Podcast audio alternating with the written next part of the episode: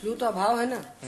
अभाव है। ये प्रश्न तुमने नहीं उठाया। जो प्रश्न हम लोग उठाते हैं ना ये प्रश्न पहले भी सब लोग उठा चुके हैं।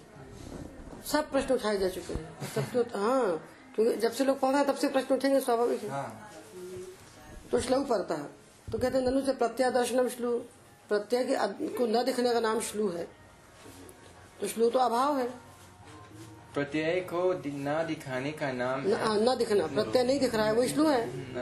प्रत्यय से अदर्शन अदर्शनम यद भवती तस्य लुक श्लू लु लुप। एता संज्ञा भवंती तो श्लू का मतलब है शब्द प्रत्यय था वो हमको नहीं दिख रहा है। हाँ। शब्द प्रत्यय है और वो हमें नहीं दिख रहा है। यही मतलब है ना? तो कहते हैं प्रत्यय का दर्शन श्लू है वो अभाव रूप है। और अभाव में श्लू परे होने पर बोलते हो। तो अभाव में क्या पूर्व परे होगा? ये आगे पीछे अभाव जब है ही नहीं तो श्लू परे कैसे बोलोगे? हाँ। तो हाँ। है ही नहीं तो क्या? जब है ही नहीं, उसके परे क्या जो है ही नहीं, उसको क्या आगे, क्या पीछे? तो कहते हैं श्लव परता क्यों बोलते हो? तो बोले, स्थानीय ना परत्वाद परे तो शप है। परे शप है। उसके परे होने से तद्वारेण उसी को मानकर श्लू को भी उससे परे कह दिया आपको माध्यम पकड़ना पड़ेगा।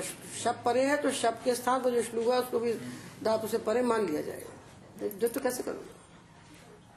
स्थानीय परत्वा तस्यापि तद्वारेण पौर्वा परियम औपचारिक यह औपचारिक है मतलब मानना पड़ता है। माना हुआ शब परे है।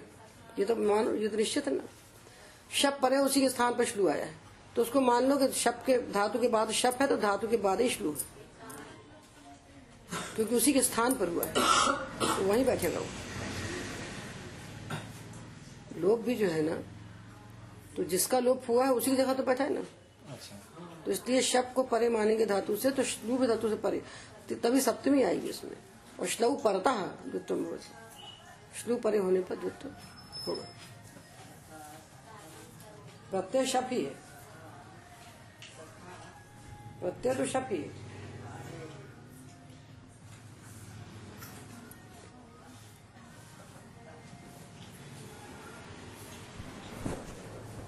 प्रत्यय प्रत्यय तो शप ही है। शप। वो दिख नहीं रहा है। जब ऐसा शब्द प्रत्यय हो जो आपको ना दिख रहा हो। श्लू के रूप में जब श्लू संज्ञा हो उसके आदर्शन की। क्योंकि आदि प्रवृत्ति में शपा भी है। वो लुक है ये श्लू है। लुक है श्लू है और लुक। तीन संज्ञाएँ होती हैं चौथी संज्ञा लुक है। श्लोक का मतलब वहाँ की शब्द नहीं है। हाँ बस मतलब। हाँ। पर शब्द किस रूप में नहीं श्लू संज्ञा के द्वारा श्लू होकर उसका जो लोप हुआ है वो श्लू संज्ञा से हुआ है। श्लू संज्ञा से लोप हुआ है तो अंत में जब श्लू संज्ञा से लोप होगा तो द्वित होगा लुक संज्ञा से लोप होगा तो द्वित नहीं होगा। तो अंत में हम कहेंगे कि श्लू प्रत्यय है कि नहीं है? श्लू जो है शब का अभाव है। शब का अभाव बस प्रत्यय उसे हाँ शब ही उसके परे होने पर आपको द्वित करना है। उसके परे होने श्लव सप्तमी कह रहा है, उसके परे होने पर आपको द्वित करना वहाँ तक हो गया, आम वाला हो गया क्या? भी री भ्रुआम श्लुवच्च भी धातु को आम भी होता है,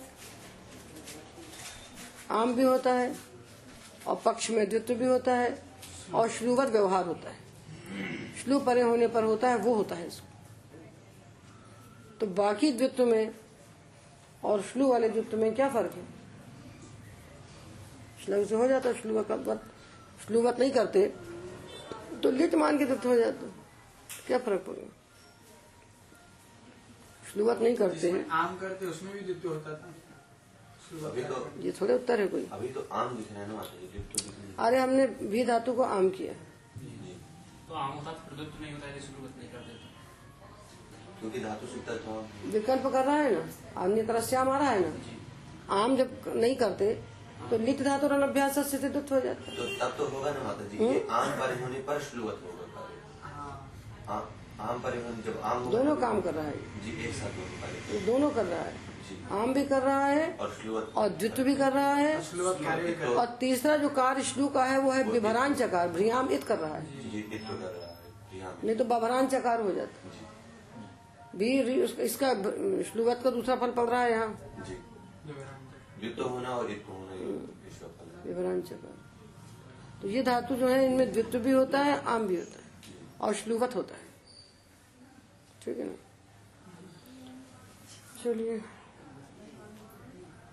ये सूत्र है लिच धातु और अनभ्यास लिख परे होने पर अनभ्यास धातु का अवयव जो प्रथम एकाच उसको द्वित्व होगा। ये द्वित्व कैसे हो देखो पहले शॉर्टकट